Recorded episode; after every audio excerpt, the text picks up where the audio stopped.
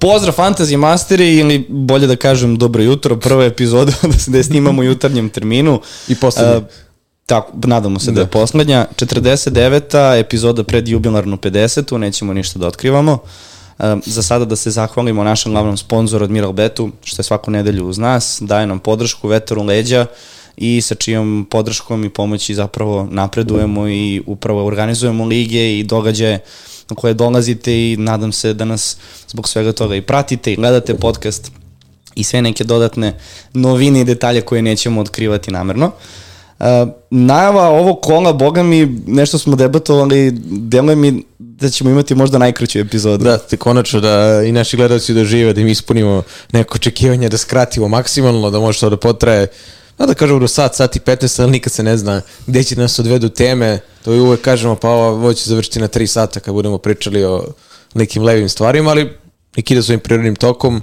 Ali neka spe, specifična situacija gde prosto imamo kolo u sred nedelje, da je novo kolo počinje u subotu, evo danas je četvrtak ujutru kada snimamo, dakle već preko sutra ujutru počinje novo kolo, večeras ne možemo da snimamo nakon završetka kola jer će biti prekasno i ovo je neki idealan trenutak da snimamo dok još traje 22. kolo, ali šta je tu je da ćemo sve od sebe da... Tako je, samim tim nemamo ni sve informacije da. sa svih utakmica, ali dobro. Mislim, nije da će, bi se nešto sada specijalno promenilo. Ako da. bismo večera snimali, osim, da bismo, zna, osim kada bismo znali rezultate utakmici i Tako možda je. neke još bitne stvari.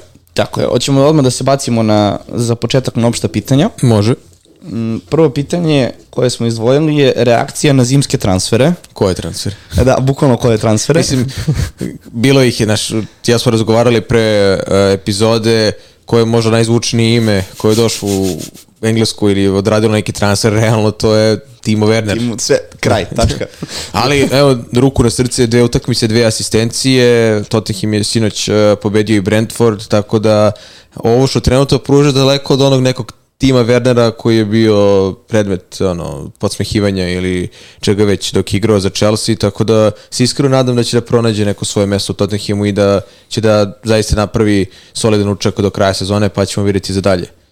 Slažem se, ja bih tu prokomentarisao da se ne sjećam uh, takvog zimskog prelaznog roka, makar u premier ligi, gde je bilo možda da se skupi 5-6 transfera, ne računamo neke klince iz akademije ili neke takve prelaske, ali uh, obično zimski prelazni rok služi za veće ekipe da nadomeste ili neku povredu ili ako vide na sredini sezone da nešto ne ide, da im fali određena pozicija.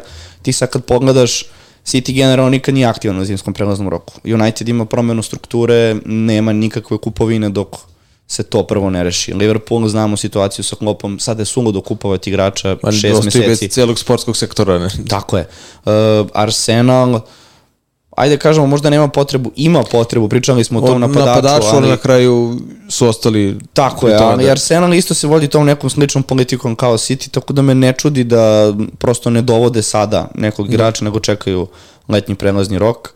Chelsea je tu jedina, kao da kažeš, enigma, očekivali smo možda da će dovesti još jedno tri igrača od 120 miliona, pa da idu na klupu, da se povredi ili tako nešto. Šalo na stranu, očekivali smo više, ali ne nešto sada epohalno da se desi, ali... Čak i Newcastle koji je prožet povredama Tako i problema je. nije nikog doveo, što isto je možda neko iznenađenje, ali oni imaju potencijal. Oni imaju zapravo problem sa finanskim fair playom jer nisu na kraju ni prodali Almirona niti da kažemo nekog igrača za veću sumu novca i onda kad pogledaš ovaj timove ispod tih top 4-5, zapravo imamo Aston Villa koja je dovela Kostu Nedeljkovića. Jeste, tako, ali to su sitne, mislim, mislim sitne, za, ciframa sitne, da. sitne kupovine. Imamo, e, Calvina Phillips u West Hamu. To je možda najzvučniji prelazak iz nekog engleskog tima u drugi engleski tim uz pozemicu Reglirona, ali svakako pa da. mislim da je Phillips tu kogod sedao na klupi u City u posljednje dve sezone ipak I dalje pozajmica, pozajmica znaš, da. dakle, jeste da ima opciju da, da ga kupe, ali i dalje to vodimo kao pozajmicu, a pošto nije se naigrao,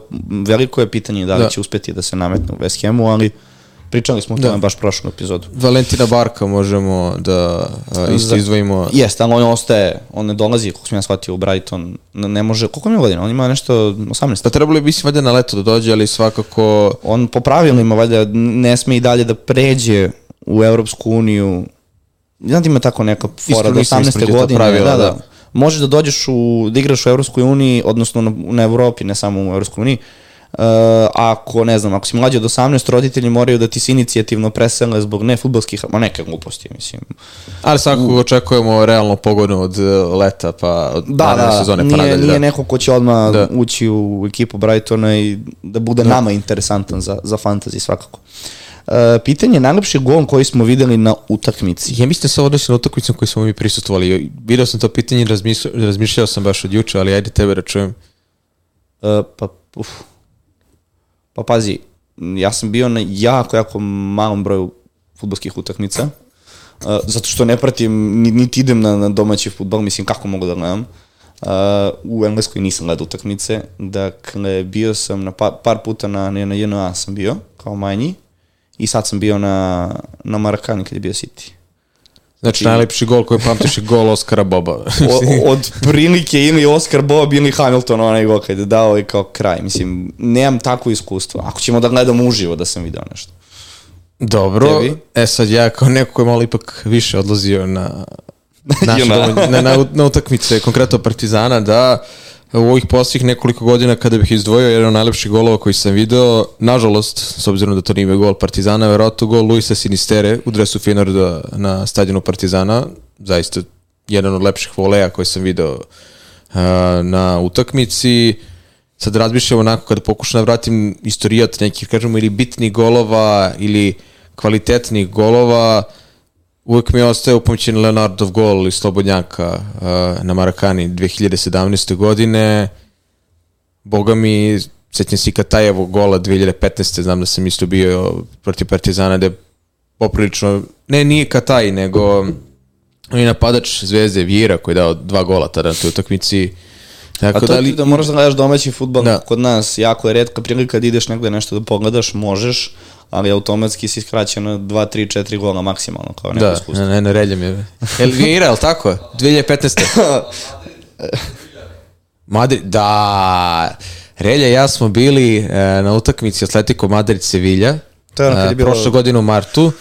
E, neš, nešto smo poslovno bili u Madridu, gde smo totalno slučajno shvatili da to veče Atletico igra utakmicu na Vandi, to jest na Civitas Metropolitano i otišli smo, nismo ništa očekivali, hteli smo prosto budemo deo tog nekog kao događaja spektakle i Atletico daje šest golova Sevilji. Ja ne znam da li su nakon Prvi toga dali... poslednji put, da. I to su stvarno bili neki golovi ono Depaja, e, to je zapravo doživlje, može ne toliko koliko zbog golova, već to mi može bilo neko onako najveća utakmica u smislu kvaliteta futbala, stadiona i ligi na kojoj sam bio, ali kada pamtim golove, evo to iznao sam nekoliko najlepših koje sam video. Idemo dalje. Pitanje, e, da li je pametno imati više futbalera iz jednog tima ili imati šaroliko? Sad verujem da računamo više futbalera, dva ili Pa tri. dva ili tri, ne Da, može više od toga. Da... Pa zavisi od trenutka i perioda sezone, manje više. Uvek smo imali neke timove, to jest većinski se dešavalo da imamo barem po dva igrača iz jednog tima toko ove sezone. Da li dok su Salah i, i ne znam, drugi igrači svi bili zdravi, ali iz City-a ja se ne sjećam da je neko imao i manje od eh, dva igrača. Uvijek je bio Haaland eh, i Alvarez ili Haaland i Foden.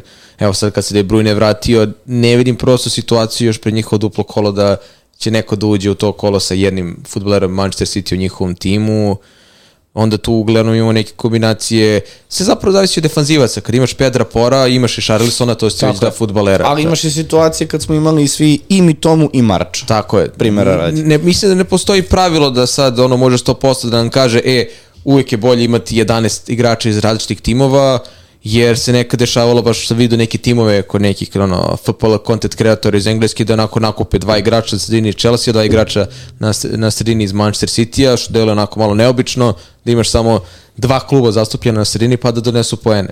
To je zapravo zaista i do taktike i do sreće, ali da ne postoji neko pisano pravilo, ne postoji.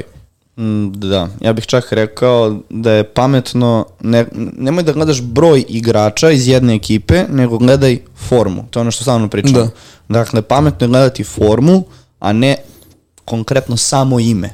Dakle, ako vidiš da je neka ekipa u formi, nije pogrešno ako imaju neki lep raspored da staviš dva igrača. Primjer radi sami prvi koji pada na pamet, evo Lise Eze, koji, Eze koji me demantovao Da. u, u ove, ove dve, ova dva, tri dana između snimanja, gde, mislim, čovjek je opet odigrao možda jedna od boljih utakmica definitivno u karijeri, makar, po, Da. makar statistički, jel? Ali eto, sad ti kad dolaziš u situaciju da je Crystal Palace možda ima neki lep raspored, znaš, da li Olise, da li Jeze ili eventualno još neko iz Crystal Palace ili obojicu. Ako vidiš da je dobra forma, ako misliš da možeš nešto da postigneš, nije greška Dobra imati... forma i protivnik i raspored, ima tu je. dosta... Tako, nije, nije, ne možeš reći da je greška, Da. samo prosto, ili ćeš imati tu sad sreće ili ne. Tako je. Uh, hoćemo da krenemo najavu polako. Ništa više od pitanja, evo, gledam. Pa mislim manje više sličnost, sličnost ostalo evo, kao konstatacija ove sezone da je najbolji uspeh imaju oni koji ne prate ništa. Pa moguće, znaš, kad pogledaš, na primjer, ovo za Tonija povratak, vidi, znaš, neko vidi da se vratio, pre, da mu istekla suspenzija, mi ovdje svi razmišljamo o tome, čekaj, nije igrao dugo profesionalni futbol, jeste on držao formu, pa onda za De Bruyne, i ono, kad je ušao protiv uh, Newcastle sa klupe, ima zaista takvih situacija da neko ko se ne opterećuje možda toliko fantazijem, onako da odigra klasično iz duše, da može imati odličan rezultat ove sezone. Ali ovo da li je kasno za wild card, to sam htio da prokomentarišem, nije. Mislim, i dalje nas očekuju i prazne dupla kola, neki najbolji period upravo može bude nakon ovog duplo kola da se pripremite za neko duplo 34. ili duplo 37. kolo ili posle praznog 29. kola, tako da zaista mislim da nije kasno za wild card i da su to neki trenuci gde može se aktivira. Ja lično gledam da aktiviram wild card tako da mogu da sklopim 15 igrača za duplo kolo da bi mogao tada da aktiviram bench boost, dakle da imam kompletnih 15 igrača sa dve utakmice, to mi nekako deluje uvek primamljivo, naravno nekad je teško to sklopiti, nekad se neko povredi, ali moja neka logika čuvanja wild carda za kraj sezone. Ja sam htio da prođem taj van card uh, malo kasnije kad popričamo o rasporedu, Da. samo zbog toga, ali okej. Hoćemo da pređemo na, na utakmicu, Može, ja? može. Prva utakmica u subotu, Everton dočekuje Tottenham. Ovo, Everton, Vratit ćemo. Everton je ispoštovao nulu koju smo otprilike najavili protiv Fulama. Tako nekako. S druge strane, Tottenham koji je onako krenuo malo nesigurno i videli smo situaciju koja se desila sa Pejom između, Medi, prvo Madison je startovao. Da, i odigrao je skoro ceo meč, što iskreno nismo očekivali i opet je na kraju malo onako fizički posustao Grčevi, što je vratno i normalno. Ali pa, što je interesantno, i Madison i, i Kevin su startovali. Da. Dakle, pričali smo o tome prošli put, nismo bili sigurni kao, ok, ako će Kevin i startovati, Madison verovatno neće. Da. Na kraju su bojice startovali.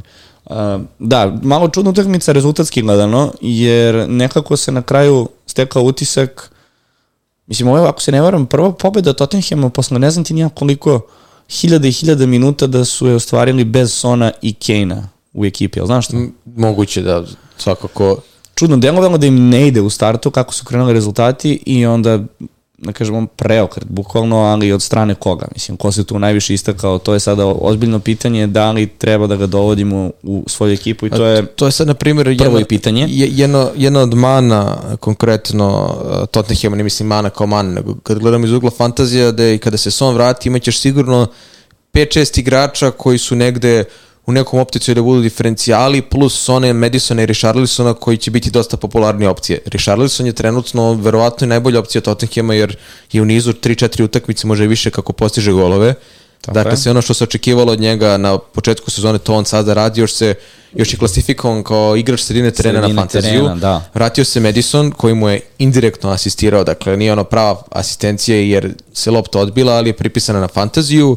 Imaš Tima Wernera koji je vezao dve asistencije, Brenana Johnsona koji je bio na klupi, ušao, postigao gol i imaš Dejana Kuluševskog. Dakle, sve su to igrači koji malo, malo, ne računajući naravno Richarlisona koji je konstantan u poslije vreme, mogu da donesu pojene. Ako Madison uh, uhvati neku formu i ritam uh, sa početka sezone i kada se vrati Son, mi ponovo možemo da pričamo o tome da imamo tri futbalera Tottenhema koji su apsolutno adekvatne akvizicije za fantaziju. Znači, da tu treba napraviti dobru taktiku i razmisliti koga da, se, koga da dovedeš, a uz to imaš i Pora koji dalje ima visok procenat vlasništva. Tako je, na sve to zaboravljamo, mislim i Poro i u Dogi svakako. Da, evo, I- u Dogi juče postigao gol, tako da jeste na dosta manjem procentu od uh, Pora, ali je opet neko ko je možda jedna od, ako ne boljih, jedna od zanimljivijih opcija za fantasy, makar iz defanzive, jer ne računamo na clean sheet poene, to je Tottenham i pokazao. Mislim, Tottenham, generalno, Jeste, timovi- ja bih tu dodao od samo dakle, informaciju rasporeda za Tottenham, gde naredne tri utakmice igraju sa Evertonom, to smo već rekli da je naredno kolo. Pored toga imamo Brighton kod kuće, Dakle, dočekuju Brighton koji videli smo kako, su, kako tone i kako se muči da. u ovom periodu i imaju Wolverhampton kod kuće. Dakle, neki raspored gde Tottenham stvarno može da bude interesantan, pa je to prazno kolo i onda nastavak opet Crystal Palace. Mislim da moramo da obratimo pažnju pre svega na Richarlisona.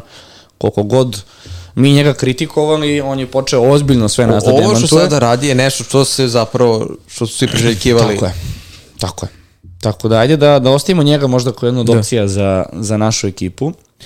Još, da neće, još, još da... Tottenham imati 29. kolo, tako da neće imati dva prazna kolo u nizu, tako da zaista solidan raspored za futbolere Tottenhama. Njima je ostao da se vrati Son i Sar, sa tim što Sar se još nije priključio timu jer bi trebalo uskoro da stigne. Uh, I Suma, ne znam da li, mislim da je on ostao da se priključi, tako da mi već krajem februara možda možemo da računamo na kompletan Tottenham ako ne bude povreda. S druge strane, Everton? Everton je u neku svom maniru onako, odigrao čvrsto i negledljivo a, na gostovanju Fulamu, mada je bilo tu prilike, dosta prilike šanci, ponovo se Pickford istakao.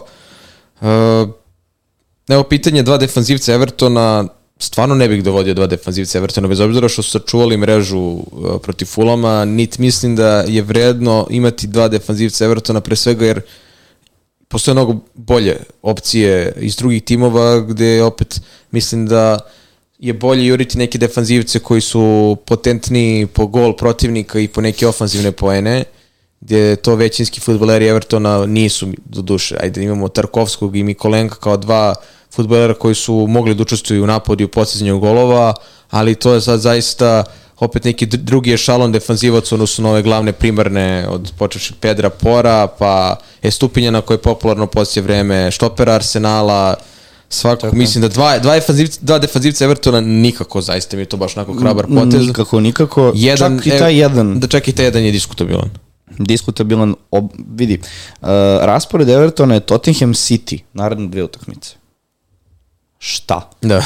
Šta će ti dva defanzivca? Šta će ti defanzivac iz da. Evertona? To mi, je, to mi je prvo pitanje, ako baš hoćeš da. nekog iz Evertona. Neki rezultat? Ovde očekujem pobedu Tottenham 2-1 tipa. To je 1-2. Znači pašće golovi, jel? Pa očekujem. Dobro. Sledeća utakmica Brighton Crystal Palace. Brighton, kako ih najaviti? Dakle, koliko su bili iznenađenje u prethodnom nekom periodu, sad su možda i razočarenje. Pazi, u... vidio sam negde tri pobede na posljednjih 16 utakmica, što može malo prolazi, prolazi ispod radara, ali ono što je meni ipak još neverovatnije, od tima koji je onako bio sinonim za golove, golove i primljeni i, da, i postignute golove, tri utakmice bez postignutog gola. I to je onom trenutku kada mi najavljujemo Joa Pedra, Pascala Grossa, stvarno imaju, imaju dobar raspored na papiru, Brighton nije postigao jedan gol. Uz to primili su četiri gola od Lutona na gostovanju, više nije iznenađenje primiti golove od Lutona, to smo apostrofirali, ali primiti dva gola u tri minuta od Lutona, je možda ipak malo neočekivano da je Elijah Adebayo igrao utakmicu života postiže hat-trick, gde je stupinja na pozitivnoj nuli biva zamenjena na polovremenu, što možda bilo očekivano tako u Medezerbi kada ne ide da zameni prosto bekove, to je jedan od rizika koji nosi stupinja sa sobom. I neka blaga, blaža povreda Joa Pedra, što može bude potencijalni problem, još uvek nemamo informacije da li je povređen, koliko će odsustovati, ali to potencijalno može da znači, znači da je vreme da se proda, jer nije uradio ništa za ova tri kola, a toliko smo ga najavljivali, a ima Evana Fergusona kao neko koji poslednje vreme na klupi, pa svakako može adekvatno da ga zameni. Sad je to prosto takva situacija da ne znaš više šta da kažeš za Brighton. Mi njih ovde već kolima, nekoliko kola forsiramo, pričamo, bit će da. golova, Neće. ne, ne postignu nijedan da. gol. E onda im dolazi Crystal Palace u goste koji je onako nezgodno nepredvidivo tvrda ekipa, koja je nekako, evo sad protiv Sheffielda uspela da primi gol na samom početku, pa da na kraju dva puta preokrene i e, pobedi na utakmici, gde smo videli neverovatnu saradnju Ezea i Olisa. Mi samo njih apostrofiramo i manje više zaista oni vredni pažnje, ali opet na kraju utakmice Olis napušta raniju utakmicu, Eze napušta raniju utakmicu, obojice zbog nekih blažih povreda udaraca Izjava Hodgsona je takva da veruje da će Olis biti dobro, dok je za Eza rekao da nije imao sreće, da je zanja loža, ali da i dalje nije precizirano da li će i koliko odsustvovaće, što je sad opet veliki problem da je neko koji je vidio dobru partiju Ezea, hoće da ga dovede u tim, šta ako ne bude igra protiv Brightona. Tako je. i da li će Olis biti spreman. Ono što, meni, što se meni lično ne sviđa, što su obojice igrači koji su jel te skloni povredama. Znaš, sada je neko doveo Ezea, sve da se povredio, njemu se vratno isplatilo to što je postigao dva gola, ali sada neko hoće da dovede Ezea i da ne zna da li će moći da igre, može i pucanje transfera ako ne bude bio u sastavu, a delom je da neće biti, a da će Olis pre da bude. To je nešto što me uvek onako iziritira kada su u pitanju ti zanimljivi diferencijali za koje znaš da uvek mogu da donesu pojene. Gde smo pričali, mi smo čak i Ezea predložili kao alternativnog kapitena i onda kako sada se postavi što je situaciji da je obojica muku muči sa povredama. A nisu jedini futboleri u ligi koji to rade. Sad, nisu, dodao bih tu da uh, u slučaju da Crystal Palace igra bez obojice, to je ozbiljan udarac za njih i Brighton onda prosto mora tako Mora da je gol za početak. da, pod broj jedan to, ali prosto moraju da naprave neki, ne, neki dobar rezultat protiv Crystal Palasa, to je prva stvar. I dodao bih zašto i dalje mi možda sad ostavljamo određenu minutažu Brightona u podcastu je što pogledajte njihov raspored. Koliko god to ne ide trenutno, kao što su mogli naglo da stanu sa golovima, tako mogu naglo da se vrate. Da, da, da, da sad mogu da bukvalno postignu pet golova i da se niko ne začudi, Tako je. ali opet vidiš da su vezali te utakmice bez postignutog gola. Vidi, oni realno kroz ceo februar i, i dobru polovinu marta, dakle, Crystal Palace, ok, imaju Tottenham, ali onda Sheffield, Everton, Fulham, Nottingham Forest. Dakle, to je naredne četiri utakmice nakon Tottenhama. Sedećemo ovde komentarisati kao, ok, ajde da damo Još jednu šansu. još jednu šansu Brightonu, jer pogledaj kako je praspored. Da. A do tada ko zna šta će se desiti, možda je Stupinjano opet budimo dve asistencije ili upravo to Ferguson uđe odradi neku magiju. Ili konačno Pascala Grossa vidimo na delu, jer smo ga najavljivali kao zanimljivog diferencijala za sredinu Njihov terena. kvalitet kao celokupne ekipe nesporan, to smo videli prošle sezone, zato mislim da je to samo pitanje trenutka kada će se vratiti staroj igri, odnosno starim rezultatima, jer, znaš kako, ove forme i ove rezultati, normalno je da ih svako ima.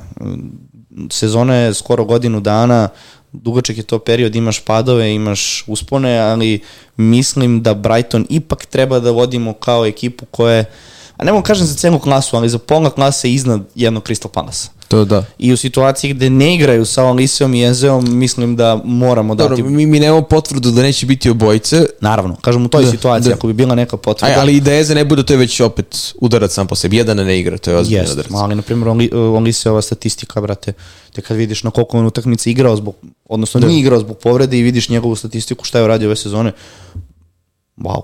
Isto kao Eze. Evo pitanje je baš prodati Grosa.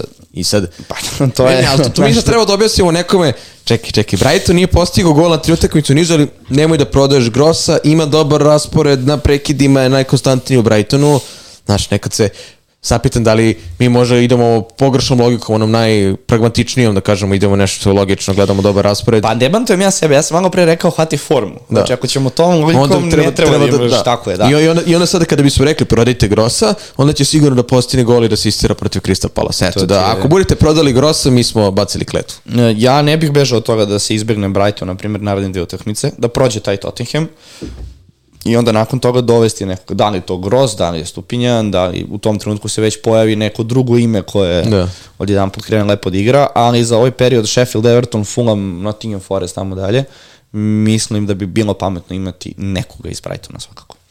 Ćemo dalje. Mm -hmm. uh, utakmica, naravno da nema pitanja. Isto pitanje. Njima ima... Uh, Uh, Ovo je aha, ovo je diferencijal. pitanje, izvini. Uh, utakmica Burnley Fulham.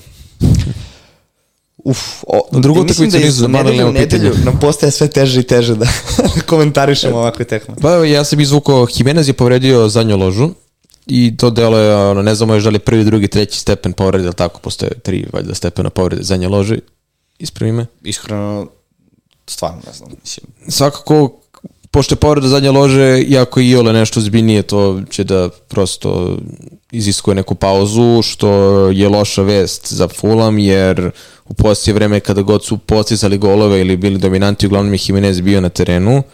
Sa druge strane, dobro, Barnley nismo očekivali pobedu, niti bilo šta protiv Manchester City, dali su gol, eto, na kraju. Mislim da svako sad daje go City Da, do da, kraja to, sezone. to je baš tako stresirajuće, iritantno, hvala Bogu, pa nemam defanzivce City, ali da imam nekoga stvarno u ovoj posljednjih godinu i po dana, baš onako nezahvalno imati bilo koga iz odbrane City-a. A, ali ova utakmica gde Burnley mora da juri pojene ako i ole misli da dalje bude konkurentan za ne, u nekoj borbi za opstanak, jer taj Luton koji je trenutno iznad zone ispadanja će na kraju previše da pobegne, čak i ako Evertonu ponovo oduzmu bodove, to ne garantuje Barlinu da će izaći iz opasne zone. Pa ali... evo, oni su na 12 bodova sada. Dakle, njima beži Luton, imaju, znači, utakmicu manje od Barnlija i beže im 7 bodova. Dakle, potencijalno, ajde nek Luton odigre 1x, To je 8. To je 8 bodova, da. 8 bodova posle 22 utakmice, vidi. To je le, lepa suma bodova za da. ovakvu ekipu koja, je, koja se bori za opstanak. Mislim, ok, možemo mi sad tu da pričamo i Evertonu koji je izgubio 10 bodova, ne bi uopšte bio u toj zoni, pa bi Luton bio da. u zoni ispadanja, ali situacija je tako kako je. Deluje mi da mi već možemo tu liniju da podvučemo Sheffield i Barney, da su dve ekipe koje ostaće zakucane za 19. i 20. mesto.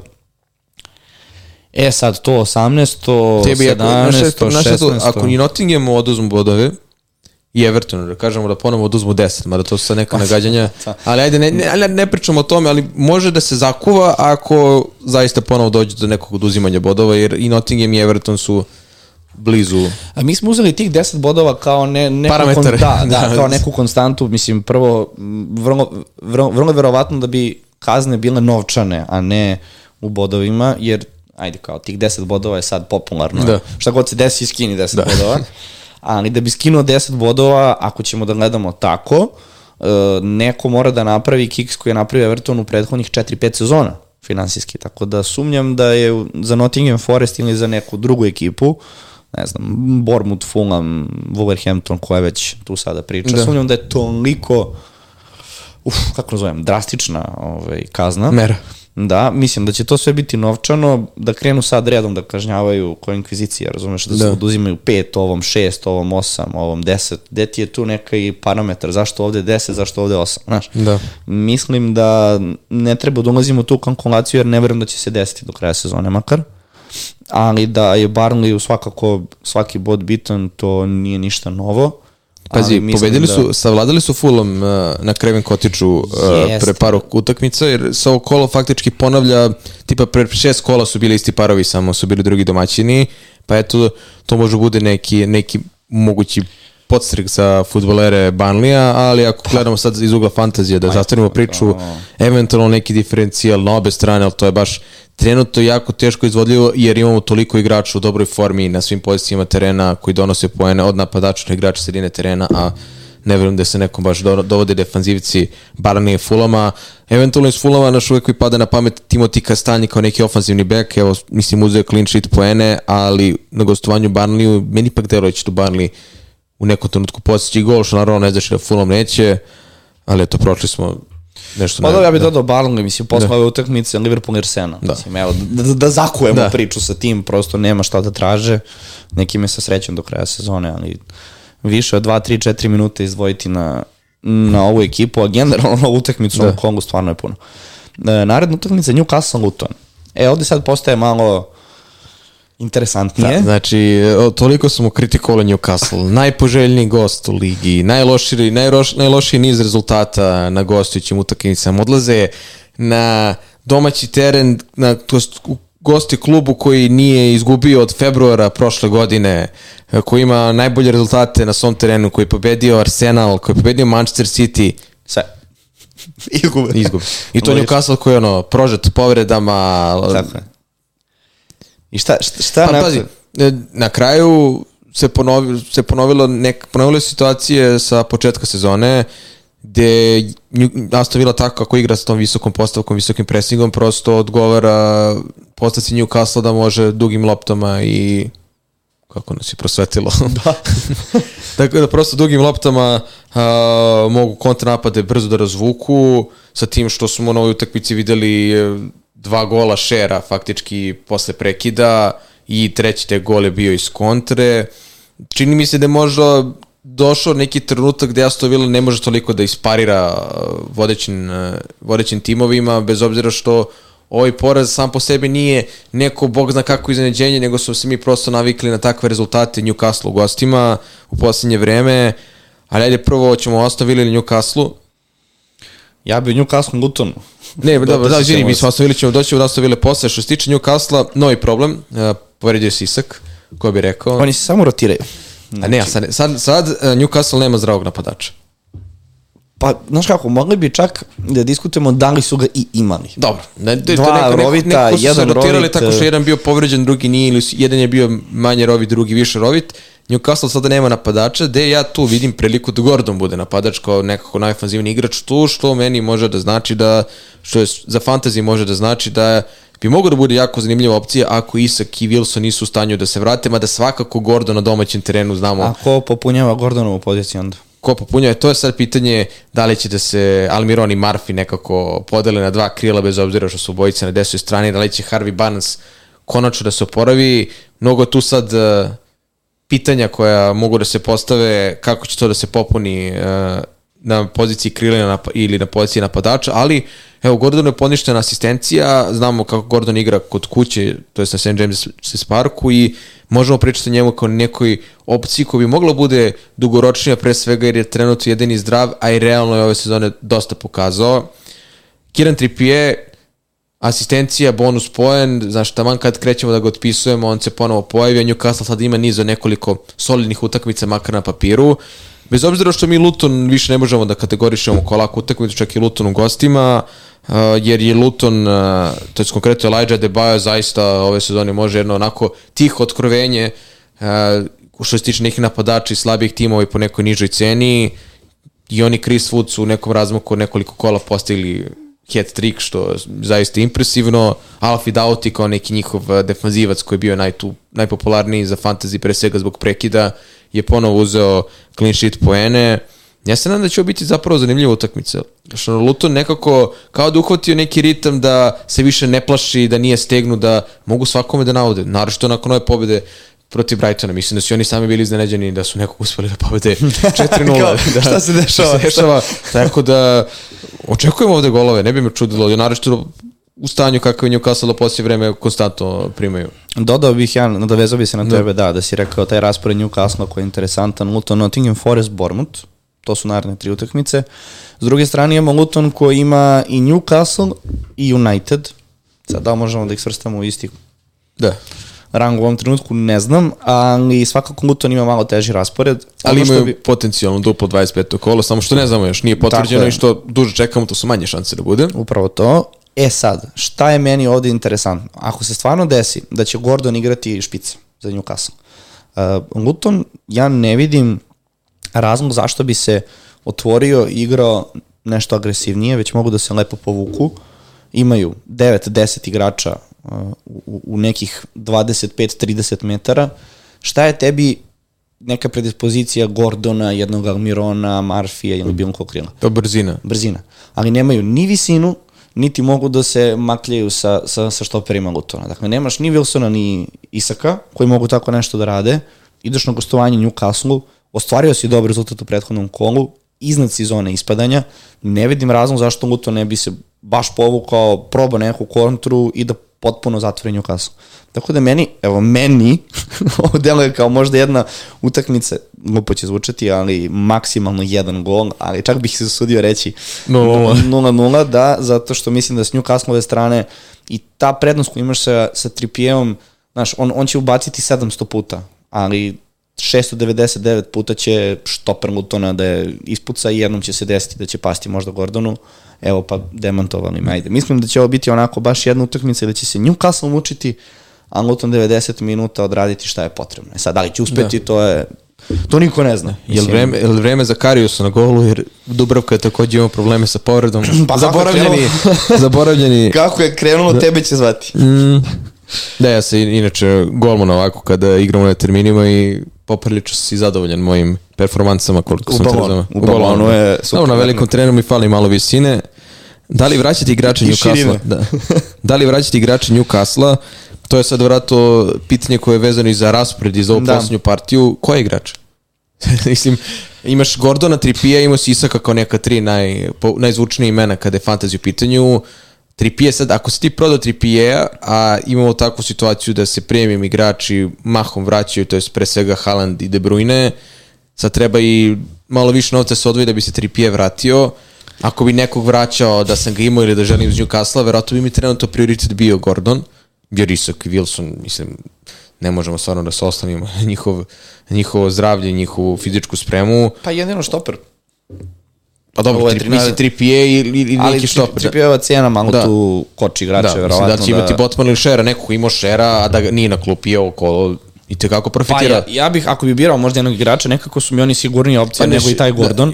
Šer je tu i od, uh, u odnosu na Botmana znatno ofanzivniji štoper koji je potentniji u, i u skoku, napadu i generalno ima i dobru dugu loptu i pračku, tako da ako bi birao nekog štopera, birao bih uvek Šera pre Botmana, ali kao 3P je tu neko koji ono, i zbog prekida i zbog uh, magneta za bonus poene. Ne, ne, slažem se, samo eto, ali ako da li sad treba tu vraćati 3PA, Newcastle nije neko ko da kažemo tek tako sad a, može da sačuva lako mrežu, to jest ne pruža takve partije da ti garantuju poene u odbrani, tako da moramo da ispratimo sad i protiv Lutona, ali neki prioritet bi meni može bio Gordon, pa tek možda neko iz odbrane, ako je novac problem onda Share, ako nije novac problem onda Trippier i to je to, nema Joelintona, Almiron, to je baš onako diferencijalno. Da, dobro, tebi je Gordon, ja evo, kažem, ja bi dovodio štopera jer više bi se uzdao na, na odbranju Newcastle nego na napad koji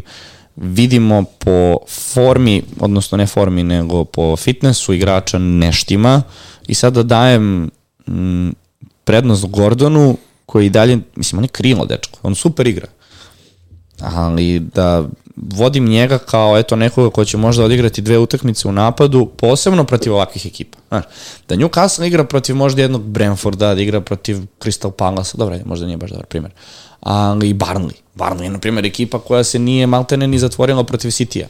Oni, kad su krenuli da igraju, ne mogu da igraju bunker. A mislim, City Da. je odigrao tako da su morali da se povuku, ali da ne mogu drugačije. Ali takve neke ekipe da igraju protiv njih, ili i one jače ekipe, ok, kao što je Gordon odradio ono protiv City-a, znaš, ali mislim da eto kao štoper Newcastle može biti najbolja akvizicija za naredne tri utakmice.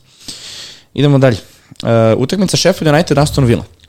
Ne, ja sam krenuo da pričam Aston Villa zbog Newcastle, evo sad A, do, dođe smo do njih. Tako je. A, pre svega, ono, nakon svakog poraza nekog tima koji je tu pri vrhu, a da možda nije iz, iz ranga Manchester City i Liverpoola, uvijek se postoji pitanje da li je ovo najava pada forme ili generalnog a, pada na tabeli. Ne možemo ništa da kažemo nakon njenog poraza, ali poraz na domaćem terenu gde je Aston Villa delovala poprilično nemoćno u odnosu na Newcastle u smislu da zaista nije ni u jednom trenutku bilo ko mogu da pomisli da mogu da dođe do pobjede. Meni tu na primjer nije jasno zašto Bailey ne dobija više minuta u odnosu na Diabija, bez obzira što znamo da Bailey isto neko ko onako malo kuburi sa povredama i fizičkim fizičkom spremom, jer je bio posljednje vreme zaista ništa konkretno nije doneo uh, Aston Villa.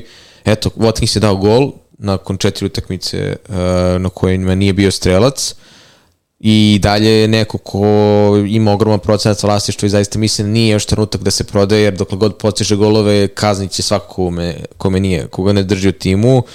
Za Keša smo već navikli da evo, bio je starter, ali poprilično defanzivno loš izgledao i zaista nije više opcija za fantasy, pitanje je koliko će on dobijati minuta kao starter u narednom periodu, ali gostuje Sheffieldu koji ih je za malo iznenadio uh, na Villa Parku, odigrali su nerešeno, to smo Relja ja baš zajedno gledali, tu su imali velike očekivanja od te utakmice, ali se ništa nije desilo. Sheffield, evo, kako je došao Brereton Diaz, dva gola je postigao na dvije utakmice, Hrik ima i Mekatija i on je post bio strelac, znači čovjek, Nema više. ne, nema više. Nema.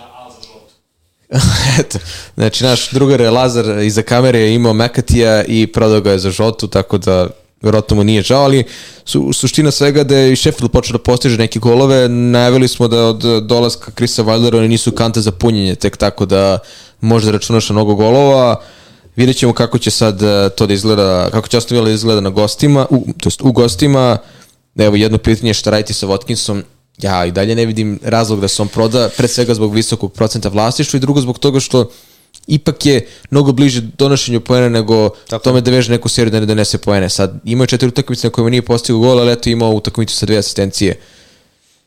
Tu sad jedini, jedini, jedina situacija da je možda neko, neko opravdanje da se proda ako je on žrtva za dovođenje Halanda. Pa, na- znaš kako, mislim da su se sad ljudi malo navikli da Watkins svako kolo nešto Da. uradi i sad se očekuje od njega da stalno Da. bude u tim poenima i kako tu dve, tri utakmice ti nemaš poene od Watkinsa, makar koje si očekivao, ljudi krenu da paniče. Mislim, logično, ok, Da. reakcija, ali mislim da sad ga ne treba dirati. Aston Villa ima jako lep raspored u narednom periodu. Sheffield United, uh, Manchester United, sad igraju kod kuće, tako da može to biti dobra utakmica za njih. Fulham, Nottingham Forest i Luton. Dakle, jedan onako jako lep raspored za njih, gde stvarno može da očekuješ i Watkinsa, i možda neki penal, i eto, Diaby, da. ili zavisi ovaj, ko bude startovao ili ko da... ko Da, ali u, u ovom trenutku mi deluje da je Watkins jedina realna opcija za, fan, za naravno. fantasy za Aston Villa. Ni ne, nemamo više priča od tri igrača Aston Da. Villa, jedan iz odbrane, jedan sa sredine i ne, ne, slažem Da. se, to je samo Watkins.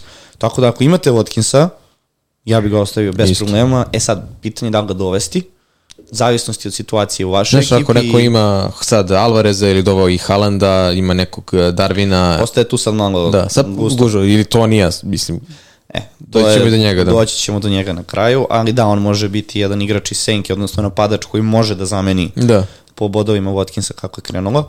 Uh, što se tiče utakmice, da li imaš nešto da dodamo? Šta očekuješ? Sheffield United, Aston Villa, pobjeda Aston Villa? Ja iskreno se nadam da će ovdje Aston Villa da pobedi, pre svega zato što imam Watkinsa, a sa druge strane volio bih da ostanu konkurentni za top 4. Čekam tipa neku pobedu je- 0-1 ili 1-2. Uh, prva utakmica u nedelju. Bournemouth dočekuje Nottingham Forest. E sad, malo tu imamo jednu informaciju, odnosno nemamo informaciju od ovog kola, što se tiče Solankea. Dobro, To je nadamo se ostalo- da se neće povrediti to sad.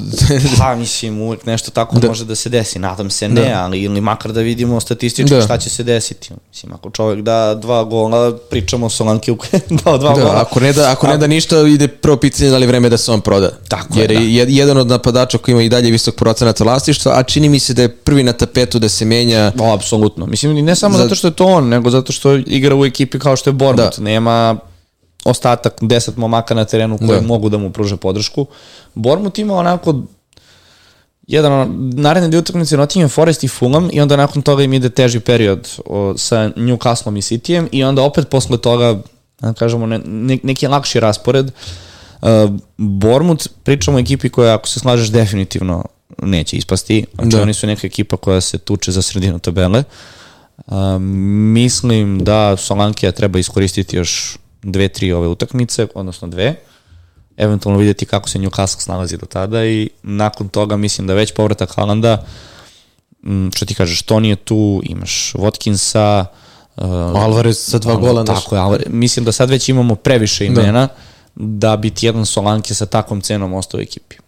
Tako Da. da. deluje. Da se iskoristi dok još nesiguran povratak Haalanda u smislu minutaže, mada on kad je ušao u na teren, on je mogao iz dva da daje jasno da. utakmicu. Mislim, samo jedna greška u dodavanju njemu, lako je moglo da se sve preokrene, ali dobro. Uh, s druge strane, Nottingham Forest, Kad smo već kod napadača, Avoniji se vratio, ušao sa klupe, razneo Salibu u duelu, evo njega sam zaboravio kao jednog od, od napadača, da. primjer radi. Mislim, i Chris, pazi, ovo je zaista sezona napadača. Dakle, Chris Wood, koji od kako je došao Nuno Espirito Santo zaista igra sjajno, postigao je valjda pet golova i sad se vratio Avoniji, ušao sa klupe, postigao gol, sad se postavlja pitanje da li može odmah da vrati Avonije u startu postavi da tek tako Vuda skloni kao sekundarnog napadača, da li će biti neki postavke sa dva napadača, dvojicu, što je pa.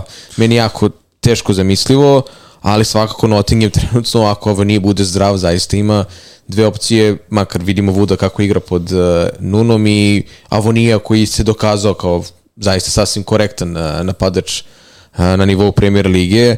Tu je ono pitanje od da dva diferencijala na sredini terena, jeftinije varijante Elanga i Gibbs White, šta raditi sa njima, jer uh, od kako je Nuno Espirito Santo preuzeo klub, Nottingham igrao skoro sve utakmice na tri ili više golova i, posta, i postizali su golove i primali golova, dakle defanziva im nije neka trenutno opcija, to jest uh, tema za razmatranje kada je fantasy u pitanju, a u napadu na sredini, dakle imali Gibbs White, Gibbs White koji je bio najavljen kao da je povređen, pa se vratio u kupu, dakle očigledno ta povreda nije bila dež, teže prirode, gde sada kada se posle kupa afričkih nacija vrati cela odbrana, to jest pola tima, možemo vidjeti zaista e, zanimljivu ekipicu na terenu, samo što i dalje ne znamo šta će biti sa tom kaznom, da li će biti novčana, da li će im se oduzimati bodovi, jer ako se Nottingham oduzmu bodovi, oni su ipak blizu zone ispadanja, ali u trenutku je, sad kada pričamo o tim uh, brojnim problemima, Nottingham je doveo sada dva pojačanja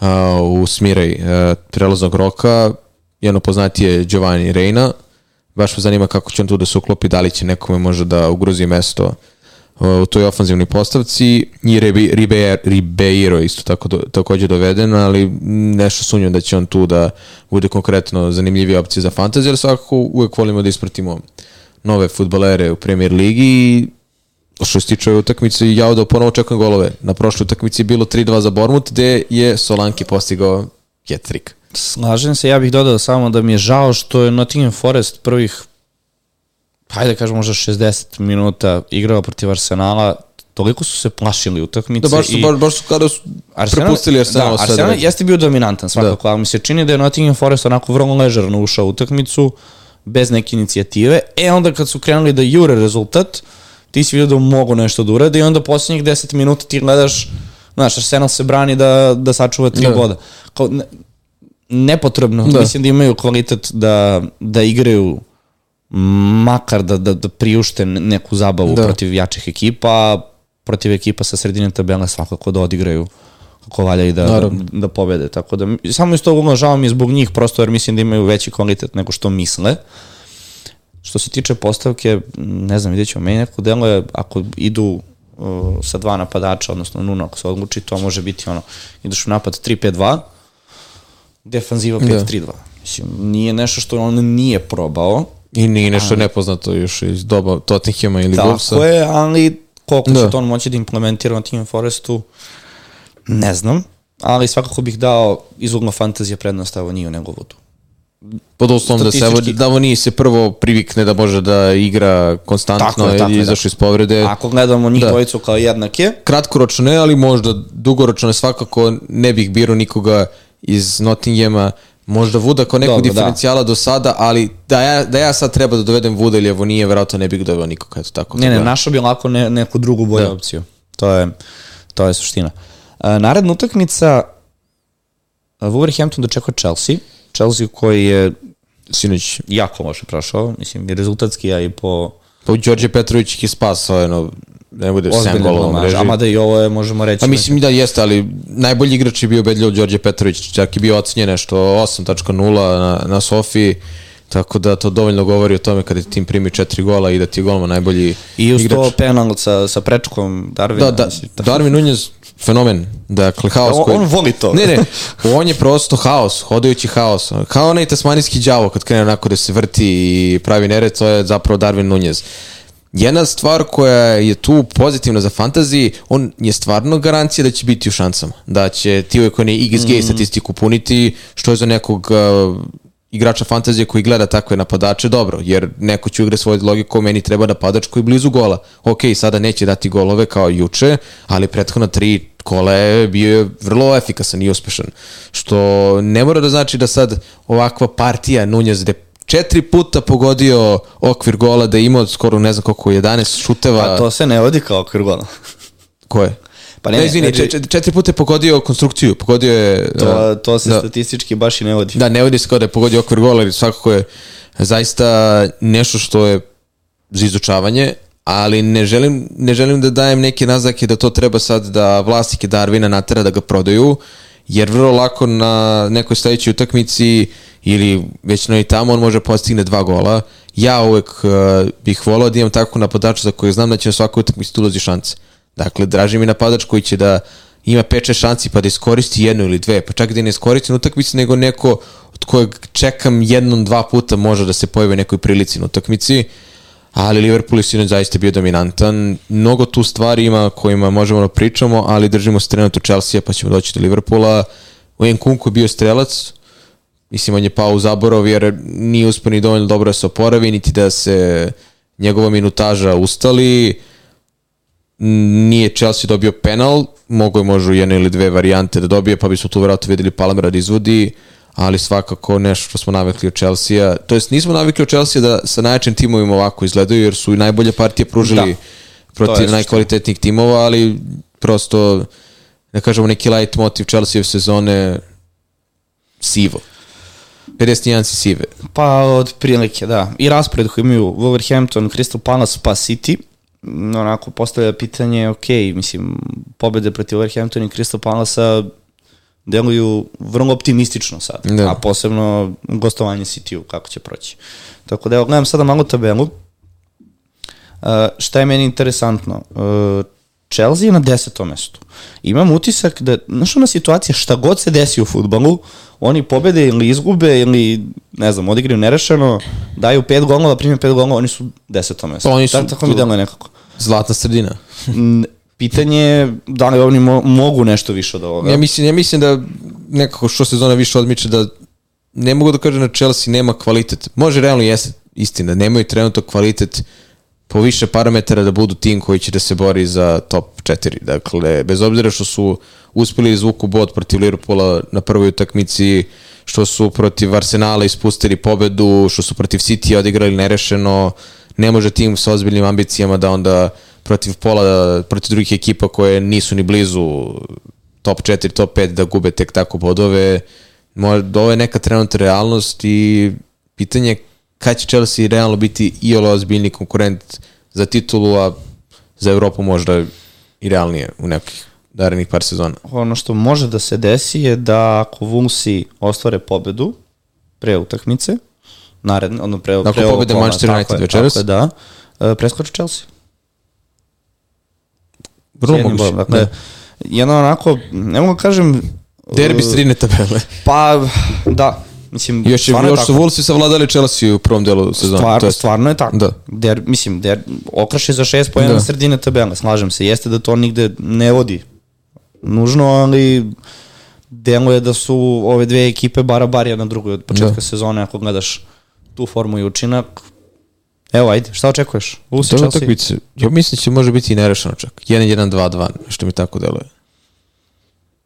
I dalje imamo jedino Palmera kao neku Da. interesantnu opciju. Ili diferencijali iz Wolvesa, Pedro Neto koji trenutno zajeva Mateuš Kunja. Jeste. Još jedan napadač, ali opet gde mu naći mesto. Pedro Neto može da bude zanimljiv jer je jeftin, pa on može da bude ubačen u tim da bi se oslobodio novac ako neko vraća Haalanda. Eto, neki primjer.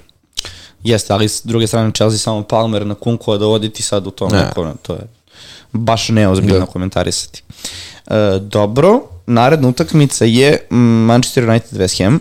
Može najteža utakmica za najavu, pre svega jer oba Ništa tima igraju večeras. Da. Ne znamo ni kako će United da izgleda protiv Wolvesa, ne znamo ni kako će West Ham da odigra protiv eh, Bormuta, da li će Kurus odmah da se vrati u startnih eh, 11, eh, nakon što se vratio sa Kupa Afričkih nacija, ali ovo je onaj tip utakmice gde me apsolutno ne bi čudilo da West Ham na neke kontre pro, prosto razvije United sa tim što nedostatak pakete pod uslovom da neće igrati najavljeno je da ipak će neki duži period biti van terena nedostatak pakete značajno utiče na tu potentnost tima vidjet ćemo da li će ponovo Korne dobiti neke minute, da li će Ink sad biti i dalje startni napadač ili će povratkom Kudusa da Bojan eventualno bude napred. Benrama je po svemu sudeći prešao u Lyon, tako da se njegova epizoda trenutno završila u West Hamu, ali što se tiče ove utakmice zaista jeste nezahvalno. Ne znamo ni da li će Rashford biti starter, To to, je- to vidjet ćemo večeras. Ja sam to Pošto htio da te pitam, iz- da. izjava je takva da je to sad interna stvar Manchester Uniteda, da je za, afera završena, da on prihvatio krivicu. I šta sad, evo, pitam te. Meni, a, kad tako, tako izađu sa nekom izjavom, meni deluje kao da je preležao kaznu protiv uh, Newporta u kupu i da će sad da... Really? really? da, i da će sada da igra protiv Wolvesa, mislim da ćemo već vidjeti večeras. Jel, ti djeluje da ima drugačiji standard za, za Pa, mislim- i za, za druge igrače, kao što su isto- Sancho i ako, ako, je to te, ako su zaista tek, ne mogu da kažem da su tek tako prešli jer ne znamo šta je bilo iza kulisa, ali da je ovo radio neki An Antoni Garnacho, videli smo kako Ronaldo prošao zbog nečega što isto samo po sebi glupost davati onakav intervju, jeste jako neprofesionalno, Sancho je na kraju zbog nekog drugog internog sukoba manje više bukvalno odstranjen iz tima, mislim da pre svega ovo nije primjer nekim drugim futbalerima da postoji neko ko je prvi među jednakima ili jednakiji od svih ostalih, bez obzira što je on dete kluba, on bi baš morao bude primjer svima, evo, već gledam dosta komentara, onako, viđenih navijača Uniteda, bukvalno nekima više ne bi, ni bilo, ne bi ni bilo žao da se Rashford proda na leto, da se ono, završi priča sa tim i da se okrene novi list. To je ona priča sa, to jest iz prošle epizode, da li je sve do trenera, da li je vreme da se može ostrane neki igrači koji su godinama tu, da se totalno napravi reset, ali ovo što je uradio zaista meni nepomiljivo. Evo, sećaš se da i Griliš i Foden su imali takve ispade, pa su ipak bili javno i zakucani na klupi čak i neko vreme, pa im se to više nije ponovilo, bez obzira što je Griliš poznat kao neko ko voli da partija, ali evo, kada je sezona, čini mi se da se zaista uozbiljio. Tako delo je samo Da, ali svakako došao je Doku ni- i tu ni- nema sad da, ni, ni to sad da li se ono uzbiljio, da li bi ovo ovako prošlo kod Guardiola. Da je uradio bilo ko, znači da je De Bruyne radio, ja verujem da ne bi bilo, ja to je Kevin, njega ne možemo da... Pa mislim da ne, je Cancelo je onakav dobio šut kartu zato Da. što se nije slagao sa formacijom, idejom i njegovom Da. ulogom na terenu. Mislim kao samo zbog toga, Da. čao. Primer radi, tako da mislim da nema prostora No. za ego igrača pored Mm, ego jest. Čelovog, ali dobro. Što se tiče fantazija, ne znam da li će Rashford igrati, ali ako pričamo o Manchester Unitedu, eventualno Garnača koji je jeftina opcija, sad moramo pričati o tim jeftinim opcijama na sredini, jer će vjerojatno sve po- popularnije biti tema i De Bruyne i Haaland u timu, još kad se Son vrati, ako udrži neku formu i ritem i ako se Salah oporavi pred potencijalno duplo kolo Liverpoola, to su Da, sve skupih skupi igrači i onda da. ti jedan Garnačo može zaista biti enabler, kako bi rekli englezi, a on iz Uniteda je realno pružao najkvalitetnije partije u poslije vreme i Rasmus Hojlund, ali to je još jedan samo nizu napadača. Znači, ne mogu da ga spomenem, niti da ga predložim, jer mislim ima 6-7 napadača koji su mnogo sigurniji od njega i koji bi Tako je. prebirao, tako da bih ovde priču završio na Garnaču. Tako, da, slažem se s tobom, čak jedan podatak koji sam video je da Manchester United uh, Manchester. da, Manchester United uh, ima više datih golova isključivo od Barnley i Sheffielda. Znači, ako gledaš najmanje datih golova, imaš Sheffield, Barnley, United. Odobreno društvo. I eto ti kako ti to sada komentar, upravo to, da imaš jednog Rashforda, Hojlunda, Bruna da asistira, isto daje Da, gol. Bruno smo Kao- totalno sk- sklonili, To ti kažem, ove sezone baš nešto Da. tu ne valja. Ali ajde da se mi prebacimo na derbi kola.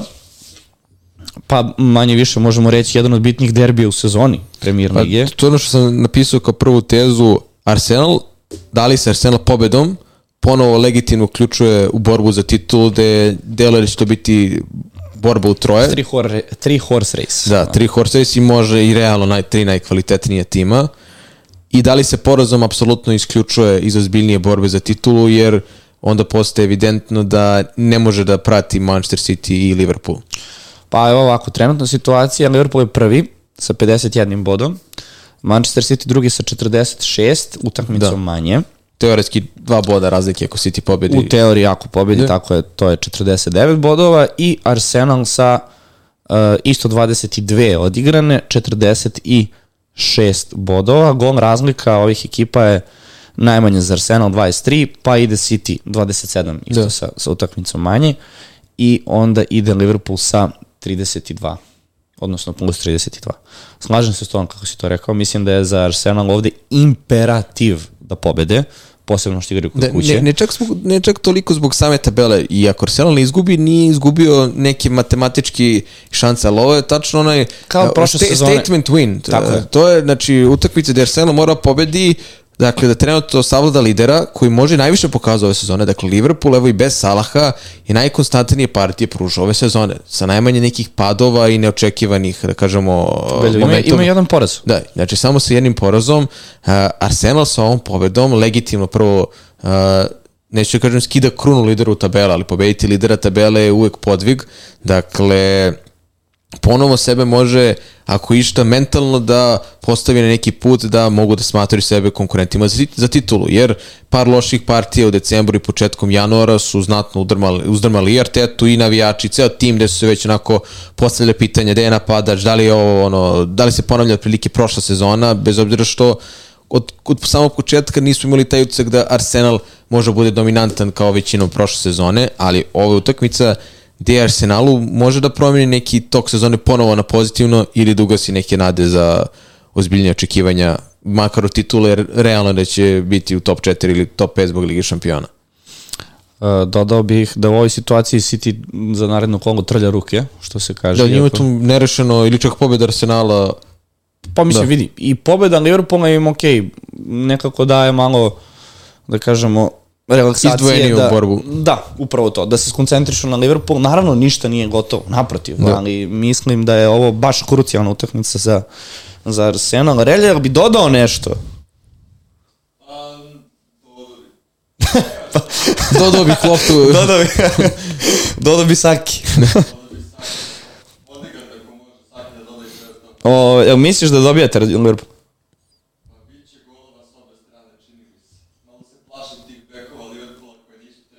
Čekaj, sad Znači, da dođemo bekova, sad imamo novu Kaže, temu. Da, rekao je, bit će golova sa obe strane, čini mu se. Pa dobro, to je... Obe ekipe igraju tako, tako mi deluje. Znači, Ajmo- ajmo- ne verujem da, da će se zatvoriti i gledati na utakmicu 0-0-0-1. Uh, da, slučajno Naravno što da je 0-1 Arsenal kod kuće 1-0, mora da pobedi, da, mislim, Mora, pa Da. mislim, što ti Mora i kažeš, ovo naporno, da, stvarno, da. znači oni, oni su ove sezone konačno pobedili City, da. što nisu uspeli prošle sezone. Ja mislim da ovo njima je ista situacija. Znači, Da si pobedi City i Liverpool i ne uzmu titula, znaš, ona. pa primjera radi, ali uh, ono što su oni imali kao derbi sa Cityjem prošle Da. sezone je upravo ovakva situacija. Mislim, Liverpool je lider. Da, samo što je Arsenal izgubio oba derbija od City prošle sezone. Tako je, ali hoću ti kažem, znači trenutno ne juriš City, juriš se Liverpool. Dakle, Liverpool je taj koji drži prvo mesto. Dakle, ako hoće nešto da urade, moraju direktno da im uzmu tri boda. Da. Vrlo jednostavno. Znači, ne mogu da očekuju prvo mesto i borbu za titulu, jer su, ako će izgubiti Liverpool, oni su prošle sezone zbog toga ispustili Da. i pali na drugo mesto. Znači, da su uzeli jednu pobedu ili makar da su odigrali, što ti kažeš, bara bar sa Cityjem prošle sezone i ajde da iz toga izgrade nešto do kraja, da izdrže makar, nisu izdržali. Znači, ovo je domaći koji su morali od prošle sezone da, da prosto prođu i, i, i ovo je za njih obavezna pobjeda koja mora da se Da. Obavezna. E sad, ko? E. U ovoj situaciji ja ne vidim da oni mogu da dobiju Liverpool. To je suština. Pa- Stvarno ne vidim. Iskreno ne mogu da kažem da ne vidim da Arsenal može da pobedi Liverpool, ali Liverpool je uspeo i bez Salaha, i bez Trenta, i bez Robertsona da odigrao još jednu sjajnu utakmicu, ali ajde da se prvo držimo Arsenala, jer su kao domaćini. Jesus goli dve asistencije na posljednje dve utakmice, naš mnogo se kritikuje i on je jedan od onih napadača koji mi više prirodno deluje kao da treba da igra neko krilo, što i on češće igra u svojoj karijeri, jer karijeri nije dovoljno ubojiti, da kažemo efikasan kao napadač, ali eto, uspeo je sad i da postigne konačno gola i ima dve asistencije. Ne mogu da ga ponovo klasifikujem u neku realnu opciju za fantasy, jer bi zauzeo i po skupoj ceni nekom, neko mesto napadača, naročito sada kada je Haaland ponovo opticaju, da je to malo i neizvodljivo. Saka konačno postigao gol, dakle, gospodin Konstanta ponovo na nekoj, nekom svom optimumu gol, da li uđe u bonus maksimum 1 do 2, To je ali... ta priča, kada, kada pogledamo tabelu na Pet do- kraju, da. na kraju sezone, ko je, ko je doneo koliko bodova, Saka će biti u samom vrhu. Da. I neko ko ima Saku od početka i nije ga menjao, doneće mu sve te bodove. A neko ko se uplaši tog pada, odnosno Da. manjeg broja bodova koji Saka donosi i pokušavao sa nekim ne znam, eto, garnačima, ne znam, sad da ne nabrajamo, da. imaćeš manje bodova. Mislim, Saka Naravno- jeste konstanta koja donosi. Da, naravno što imao visok procenat vlasništva, znaš, ne, ne bih se nikad igrao sa tim, igrao u timu, igre, igrenom u boljih timova u ligi i on je sam jedan od boljih igrača, bez obzira što deluje kao da znaš da ne može više od jednog gola na utakmici, kao da znaš da mu neka granica od 8 do 10 poena, opet ne možeš ni bez njega jer većina će njih da ga ima, naravno što ako nekom je bio sad kapitan, to ti je već skoro 20 poena. Upravo tako. Sa druge strane, uh, ostatak Arsenala, dakle, primili su gol, za razliku od prošle utakmice protiv Crystal Palace, gde su skinuti clean sheet poeni sa Libi i Gabrielu. Sinčeko je zabeležio jednu ne, najzemljivih asistencija da je iz auta asistirao Jesus jer on zaista kvalitetno izveden aut.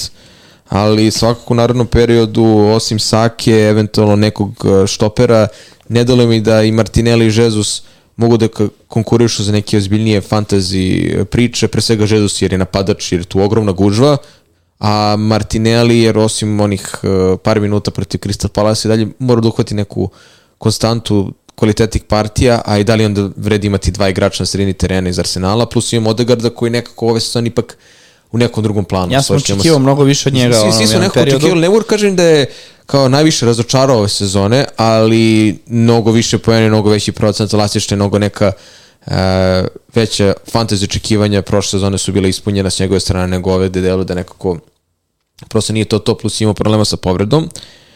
Ali sa druge strane Liverpool gde imamo trenut Aleksandra Arnolda gde sam zaista bio ubeđen da će startovati utakmicu i onda se pojavlja mali Bradley Beck sa golom i dve asistencije protiv Chelsea-a ne mogu da... What now? Ne, da, now what, kao šta sad radimo? E, Stvarno ne mogu da ubedim sebe da će on da preuzme startno mesto Aleksandar Aroldu, naročito sad u ovom derbiju gde mi nekako deluje da će biti potrebnije iskustvo na toj strani, bez obzira što je Aleksandar Arnold dalje mlad, on je naše godište, 25 dobro, ajde što je mlad, ali mislim, šta god se desi, Arnold nije dobar defanzivno. Znači, Nije ako dobar se gledaš iz tog da. ugla, ništa specijalno neće Liverpool izgubiti to što mu neko drugi igra beka. Defanzivno. Da, ali defanzivno. ipak ne. A onda kažeš ofanzivno što ti kaže čovjek ima goj. da, znaš, ono što kažu ljudi, oni imaju dva najbolje beka u, u ligi, naravno, to će navijači Liverpoola kažu i ono, naš su zamenu za Trenta, ako se nešto desi da uh, ode Pa, na postoji e, klub, ali sad ozbiljno pitanje, mi imamo Arnolda, imamo ga u mom timu, ja i dalje neću da ga prodam, ali ako ne bude bio starter protiv uh, Arsenala i ako Bradley bude bio, bez obzira što se on vrati iz povrede, znaš, počinje da razmišljam, ok, mnogo je skup Arnold da bi ga držao, on ima sad jako očigledno kvalitetnu alternativu. Ne mogu da tvrdim da je Klopp sada jednom rešio da Arnold bude druga opcija i mislim da neće biti druga opcija, ali vrlo lako možemo vidjeti da u nekih par navrata u sezoni bude rotiran kao što je Robertson umeo da bude rotiran sa Cimikasom. Jer je već posljednjih par sezona kako je Cimikas tu, uvijek imao svoju alternativu i zamenu na levoj strani. Aleksander Arnold to nije imao u vidu pravog kvalitetnog da. desnog beka. Sada je to Bradley pokazao i u kupu i protiv Chelsea-a. Uh, ni on, to jest i Alexander Arnold i Robertson nisu bili starteri, ušli su u neku 66. minutu.